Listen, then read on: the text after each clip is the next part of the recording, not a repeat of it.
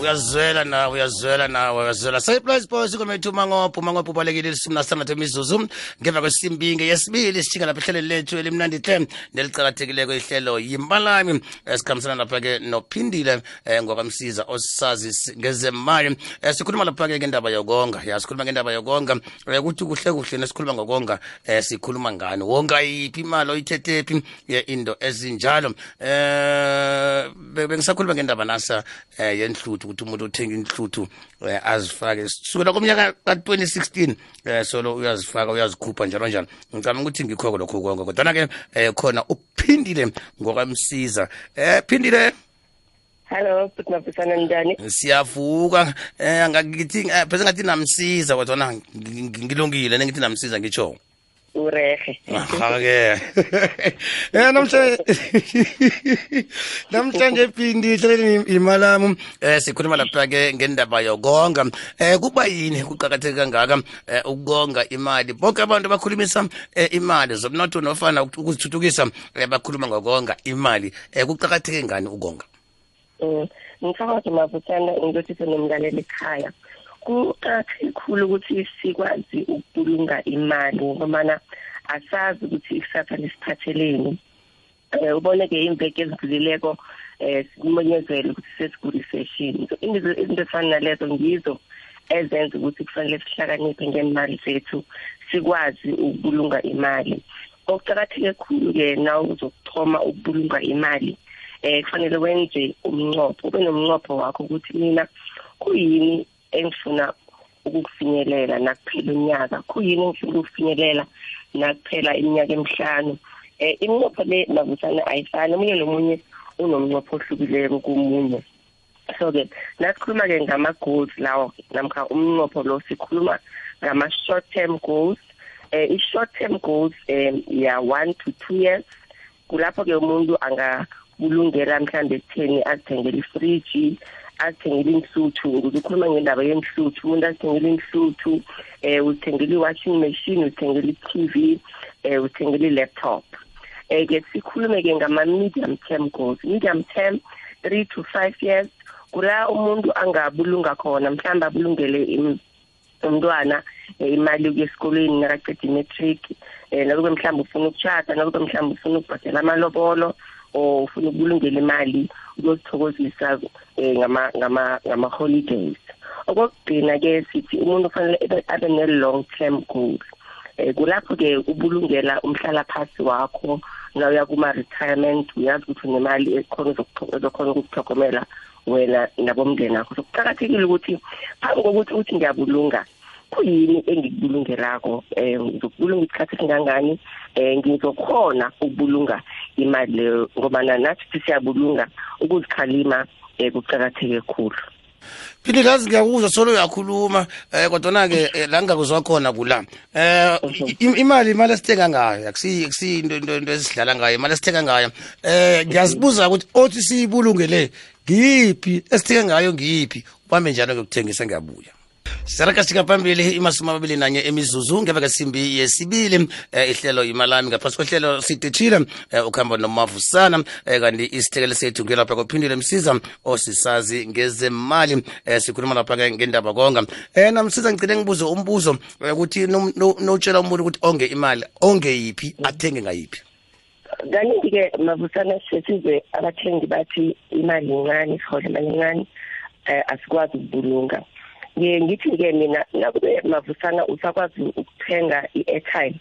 usakhona ukuthengela i-cold drink usakhona ukuthenga ama-takeaways um mm. eh, usakhona ukuthenga ugwayi namazimba into ezimnandi mm. kutsho khona ukuthi imali ongayibulunga ikhona yona leyo ukuthi nasithi yona leyo ukhumbula ukuthi nasithi asibulungeni imali eh asithi asibulungeni ama-1000 rand mm. singathoma nge-50 rand um 10 rand 20 rand yona le oyimoshako mhlambe ngama-takeaways ngento ezimnandi ngiyo imali efanele ukuthi uthome ngayo ukubulunga imali yakho Mm. msicala imholothi iphelelani intweni eziningi nawuthi inyanga iphelile ngizokonga imali akunalitho ungenzani-ke ukuthi lokhu kungasenzeki um ukuthoma ukubulunga imali akusilula woke umuntu-ke um uyabalabala ngakufanele ukuthi sithome ukubulunga imali akusilula ukubulunga imali kanti-ke um njengoba ngiceda ukuthi ukuthi kufuneka ukuthi sikhalime begodwa ukwazi nokubekezela um uthoma susa izinto ongasazitlhogiko ngile umzekelo ke izinto esingazitlhogiko ama-ethama ama-checkaway njalo njalo mm. ngizo izinto kufanele ukuthi uzitsheje qangi um eh, nakuthoma iveke uyazazi wena ukuthi iveke ngeveke ngithenga ukudla kwemalini ngithenga i-takeaway yemalini cobe langa um so uyacalculator uyabona nakuphela iveke ukuthi kuhle kuhle mos nakuthoma umvulo kusuku lwesihlanu usho ukuthi ngisebenzisa two hundred rand kuma-takeaways so ngiziphi izinto ofanele ukuthi uzitshedele zokubhala phasi uyacalculate ukuthi nangithenga ugwayi ugwayi uyimalini nangithenga every day ugwayi ugwayi ngeveke um eh, ngimotsha malini so sithi-ke thoma ngezinto ezincane ongakhona ukuzisusa um emalini yakho kula uzokhona ukubona khona ukuthi ngiyabulunga ngibulunga malini cobe nyanga namkha cobe ngeveke uma ngiyakhonakala ukuthi ubulunge ngeveke uyabulunga e, izinto uthoma ngezinto ongazihlogiko ubulinga imalakho asithi nakho emholweni wami sengenze konke izinto engizifunako nakho kusele ten rand nayo fanele ngiyibulunge ngiyonge iye kunjalo babusana ah. ingakho ngithi mina asithi kubathengi eh asikulungeni i-500 rand qobe nyanga asikulungeni 1000 rand qobe nyanga thoma ngayo yona le encane osele nayo i-10 rand mavusana nawuthoma nawuthola 10 rand ngelanga ngeveke wenza 40 10 rand namkha nangithi ngeveke wenza 50 rand ngenyanga ungayenza eh boma 200 rand ngonyaka iyandlulela ku-thousand rand so mhm. i-ten rand ngiyo le kufanele ukuthi uthome ngayo uyibulunge and i-ten rand le mavusana ngiyo ezokubonisa ukuthi um eh, soyakwazi ukuzikhalima um usoyakwazi ukubulunga imali yakho nasele undlulela ku-ten rand nasele uyiphathile i-ten rand yakho le mhm. ula uzokhona ukubona khona ukuthi ku-fifty rand uzokhona ukufinyelela so uyayikhuphukisa uyinikisa ku-fifty rand njalo njalo ngamanye amagama um nawuzokuthoma ukonga kufanele ukuthi ube nehlelo olulandelako Mhm. kunjalo kunjalo mabusana na kuqakathekile ngikhulume ngomnqopho ukuthi kufanele ukuthi ube nomnqopho wakho uba kuyini ihlelo lakho ofuna ukufinyelela okokuthoma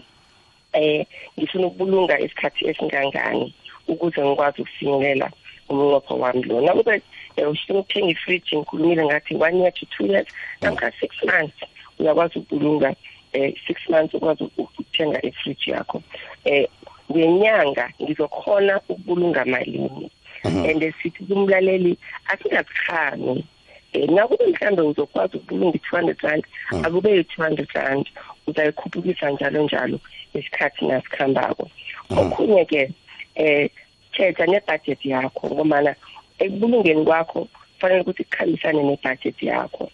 kuyini ekufanele ukuthi ukunciphise lapho okhunye ke yoke imali oyisebenzisa budedengu namkha ongazi ukuthi wenzani ngayo ngiyo imali kufanele ukuthi iye ku-savings account yakho lapho hmm. buyela e-akhawuntini yakho uyokuchecka ukuthi sisehlelweni lami ihlelo lami ngizokwazi ukulifinyelela eh mhlambe cobe nyanga wazi ukuthi is it realistic uzokhona ukufinyelela lapho na sele siyisonga ke ngisiphi isikhathi esilungileko eh nesifaneleko ukuthi umuntu angonga ngaso Eh isikhathi esilingileko nesifaneleko ngiso sona lesi esiliso mavusana nakuba uyazazi ukuthi nemadlanyana mhlawumbe utholako cobe nyanga sikhulume nge-ten rand thoma ngayo i-ten rand ukubulunga imali yakho thoma nge-twenty rand thoma nge-fifty rand uzawubona umehluko nakuphela unyaka asikho isikhathi esithi le ngiso esifanele ukuthi umuntu angathoma ukubulunga thoma nje and be fluent ke mali zakho eh amagama akho okugcina nenombolo sakuthola kizo ngiyathokoza mabusana bangasithola ku-facebook page yethu isipho sethu sihle consulting naku-instagram siyatholakala sipho sethu sihle consulting um eh, bangasidosela umtato ku-zero six five nine o oh nine double seven double seven six eight ngiyathokoza futhi nabalaleli abaningi basifonela basithumela nama-messages sithokoze khulu and let us ah. be fluent in our finances thokoza mina namsiza ngitsho ngiyathokoza aha ngilapha kuphindile msiza osazi ngezemali besikhuluma lapha-ke ngokonga kanti-ke nemasumi amathathu imizuzu ngeva kasimbi yesibili um eh, sijhinga lapha-ke umeni le ndaba asitshele ukuthi-ke uzaba siphathele ziphi ujene